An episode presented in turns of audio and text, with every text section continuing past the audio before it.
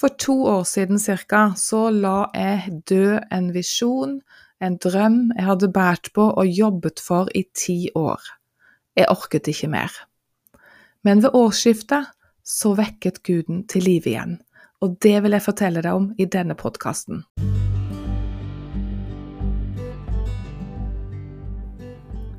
Velkommen til podkasten Våg. Mitt navn er Tone Dalhaug. Jeg er journalist, coach og forfatter og jeg gir deg historier som bygger troen, motet, drømmen og kallet ditt. I 2009 så tok Gud meg ut av fast jobb. Det høres kanskje litt rart ut, men sånn var det faktisk. Og Jeg skal bare dele det litt sånn kort innledningsvis, for det er jo en egen historie. Men det viktigste i dag er jo å dele hva som skjedde ved nyttår, eh, når han vekket til live denne drømmen igjen. Men altså i 2009 tok han meg ut av fast jobb, og det er jo det som er litt spesielt, for det har vært så krevende år, og jeg vet at det var Gud. For det som skjedde, var at eh, jeg hadde bestemt meg for å være trofast i jobb og, og, virkelig være en sånn flink pike. Og nå skulle jeg tjene her til Gud tok meg ut av jobben. For jeg hadde hatt mange fine jobber. Jobbet i NRK, i, i det som het A-etat, og jobbet da som kommunikasjonsansvarlig i en kristen organisasjon. og jeg hadde egentlig fine og gode jobber, og jeg kjente egentlig på en sånn frustrasjon over at jeg så raskt ble eh, misfornøyd, eller at jeg lengtet etter noe annet. Og jeg forsto ikke meg sjøl på den tiden, jeg skjønte egentlig ikke hva det var jeg lette etter.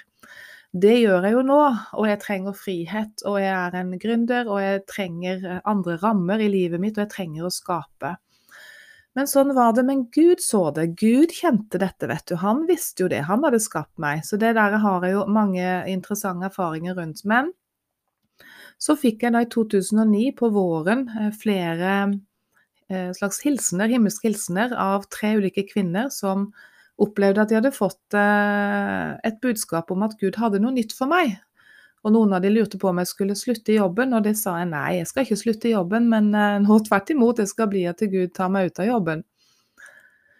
Og den siste hendelsen, eh, det var på sommeren 2009. Da kjørte jeg til Oase, eh, der Oase var det, det året, og en dame som ikke kjente så veldig godt, satt på med meg.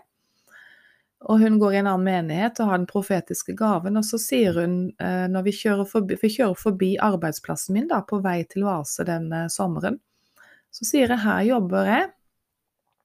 Og så fortalte jeg litt om det. Så ser hun lenge ut av vinduet, og så sier hun skal du slutte der? Nei, jeg skal ikke slutte der. Eh, tvert imot.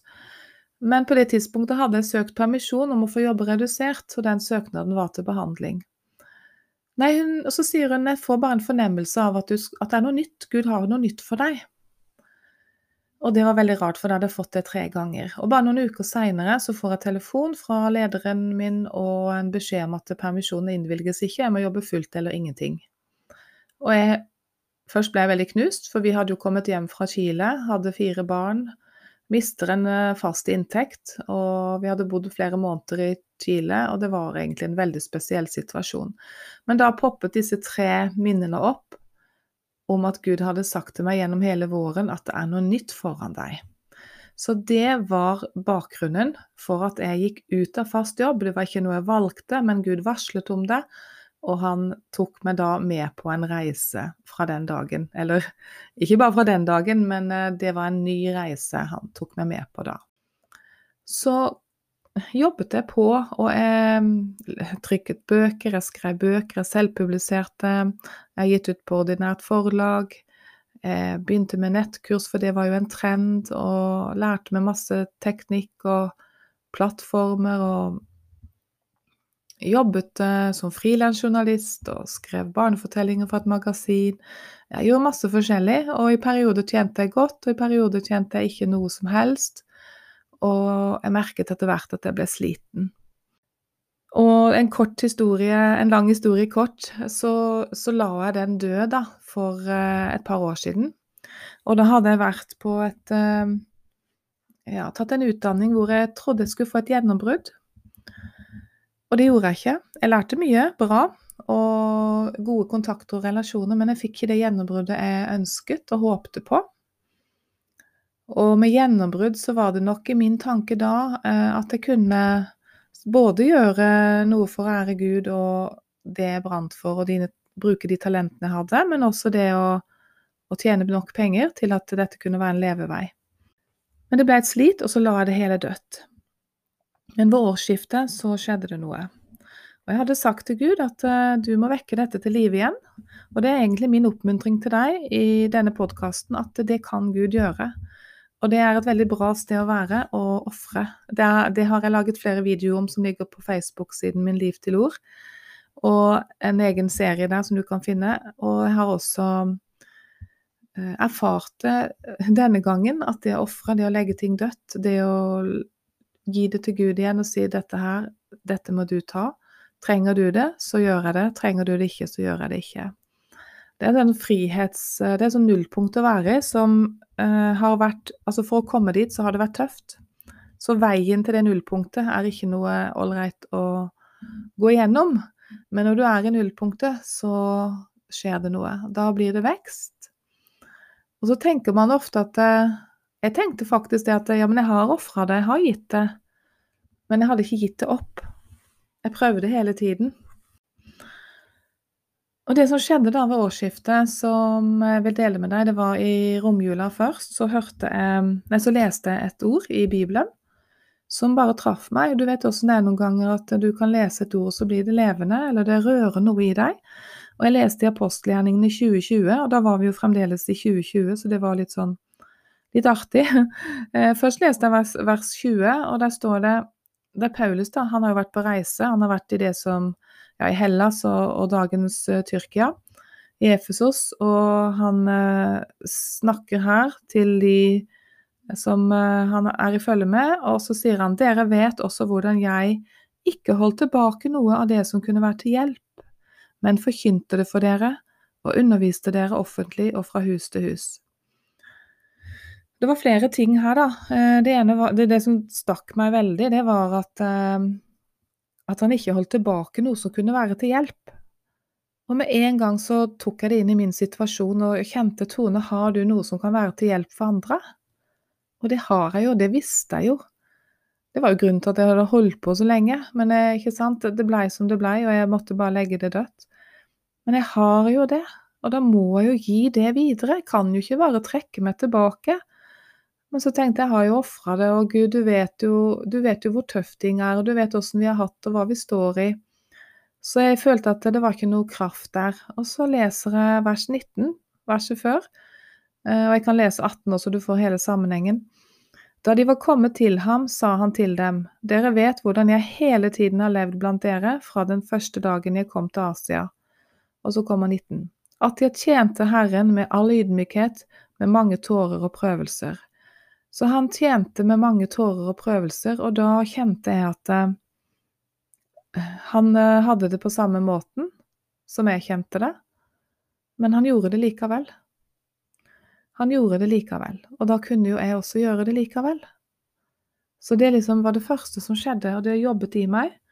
Og så gikk det noen dager, så våknet jeg en morgen og jeg, jeg, vet ikke om jeg kan si det var en drøm eller et bilde eller en tanke, for det, akkurat i det øyeblikket du våkner, så er du ikke helt sikker, og nå er det jo en stund siden, så det var liksom i den slumringstimen hvor hvor du er på vei til å våkne. Og jeg opplevde vel at jeg var våken, og eh, at det kom i tankene mine, og som nesten som et bilde hvor jeg så Jesus og disiplene.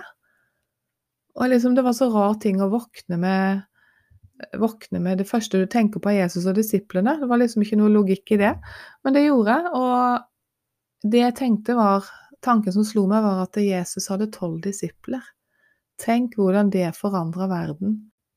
Og det blei så sterkt for meg. Og så begynte jeg å tenke på dette nettverket jeg har, eller denne Facebook-gruppen, og for så vidt et nettverk, for vi har jo treffes fysisk, og jeg har hatt seminarer og kurs og sånt. Men eh, jeg hadde en Facebook-gruppe hvor det var 200 kvinner fra rundt omkring i landet som var samlet.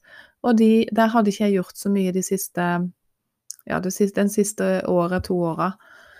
Og jeg bare tenkte, Tone, hva kan det avstedkomme hvis du gir det du har, det som Paulus gjorde, det som kunne være til hjelp? Og det ble så alvorlig for meg. Men så begynte jeg å diskutere med Gud og sa ja, men Gud, det er jo du vet, jeg har jo ingenting nå. Jeg er helt tom. Jeg har ingenting, og det vet jeg jeg har sagt også til andre. Jeg er helt tom. Det var ingentingen. Jeg, var ingen, jeg kunne ikke komme på én ting jeg kunne dele. Så det var som jeg hørte en stemme, og det var, jeg opplever Den hellige ånd taler til meg sånn, at han sa Tone, kan du be for de? Og da ble jeg litt sånn svar skyldig. Det kan jeg jo. Altså, jeg kan jo be for noen. Ville jo aldri sagt nei om noen spurte om de kunne be for meg. Nei, om jeg kunne be for dem. Så det tenkte jeg ja, det kan jeg jo gjøre, og da hadde jeg ikke noen grunn. Så jeg bestemte meg da egentlig for å eh, gå live i to uker og begynne å be for de i gruppa. Men så gikk det noen dager, og så skjedde det enda en ting. og da var det, så Først var det ordet, så var det en drøm eller bilde eller visjon, og så var det at jeg hørte, eller jeg vil si en klar, klar tanke no, jeg har faktisk hørt en stemme, men dette var mer en sånn klar, klar tanke. Som, du, som kommer så plutselig, og som du egentlig ikke er forberedt på, og som ikke du umiddelbart tenker kan komme fra deg selv. Og så, ja, så det som var, jeg satt en kveld i sofaen, og da spurte jeg Gud litt sånn Hva var det egentlig du ba meg om å gjøre for ti år siden? Elleve år siden var det vel blitt. Hva var det egentlig dette nye var? Hva var det du ba meg gjøre? Og med en gang så kom denne klare tanken. Jeg var sulten, og du ga meg mat. Jeg var tørst, og du ga meg drikke. Husker ikke om jeg hørte du eller dere, det står jo dere i Bibelen, men jeg følte at det var en personlig tiltale. Og med en gang så visste jeg at det var åndelig mat, åndelig føde, åndelig drikke. Og jeg kjente at det handlet om at jeg måtte gi det som Gud hadde gitt meg, og det jeg hadde erfart gjennom et langt liv, både gjennom de siste ti årene, det å følge en visjon, en drøm, men også da det Gud har vist oss gjennom adopsjoner og et liv med Gud som begynner å bli, bli noen år. Og jeg kjente at det, Tone, må du gjøre. Og det kaller Gud deg til. Og det er min oppmuntring til deg gjennom denne podkasten, at Gud kan vekke til live. Han vil det.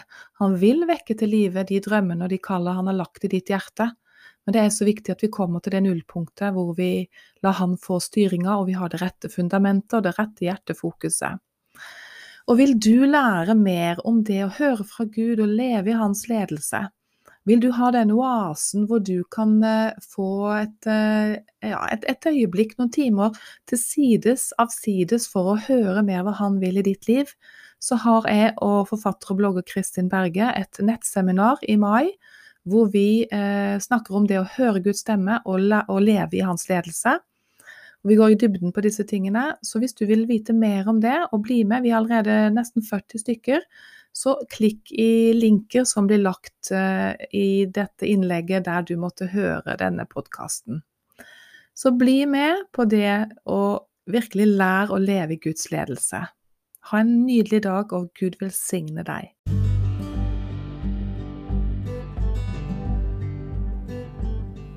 Tusen takk for at du hører på podkasten Våg, og del den gjerne med noen du tror trenger nettopp dette.